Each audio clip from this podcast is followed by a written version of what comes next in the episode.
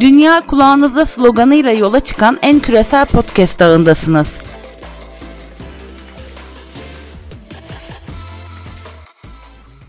Merhabalar ben Sümeyye Ceylan. Bugün 7 Ağustos 2020. Mikro gündeme hoş geldiniz. Bu sene arka arkaya 3 ülke kızıl gezegen Mars'a insansız uzay araçları gönderiyor. Bu ülkeler arasında iki ezeli rakip Çin ve ABD olmakla birlikte sahaya yeni giriş yapan ve geçen sene ilk astronotunu gönderen Birleşmiş Arap Emirlikleri de var. Peki Birleşmiş Arap Emirlikleri neden Mars'a gidiyor? Ülkenin uzay aracı tasarlamak ve üretmekteki deneyimi aslında oldukça sınırlı. Fakat yine de ABD, Rusya ve Avrupa'nın başarılı olduğu bir alanda kendine yer edinmek istiyor. Japonya'nın Tanashima Uzay Merkezi'nden fırlatılan uzay aracı El Amal yani Umut Arap dünyasında bir ilk. Birleşmiş Arap Emirlikleri geçtiğimiz haftalarda iki defa uyduyu fırlatmak istemişti ancak operasyon kötü hava koşulları nedeniyle ertelenmişti.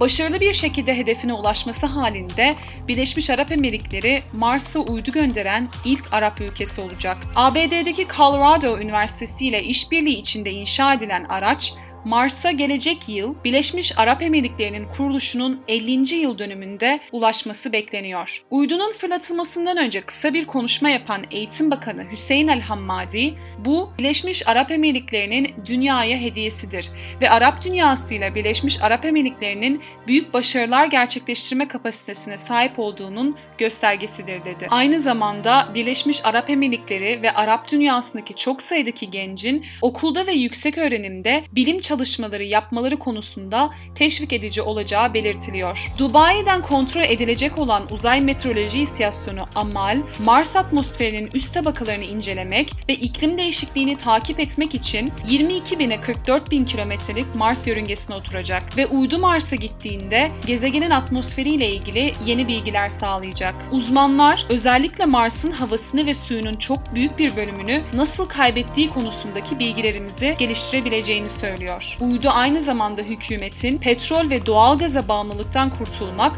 ve ülkeyi bilgi temelli bir ekonomiye doğru yöneltmek için giriştikleri projelerden bir tanesi. Dubai'de Mars'ı keşfetmeye yardımcı olacak yapay bir bilim şehri kurmayı, 2117'de ise kızıl gezegende ilk yerleşim birimini kurmayı hedefliyor. Umut adlı roket misyonunu Şubat 2021'de tamamlayacak.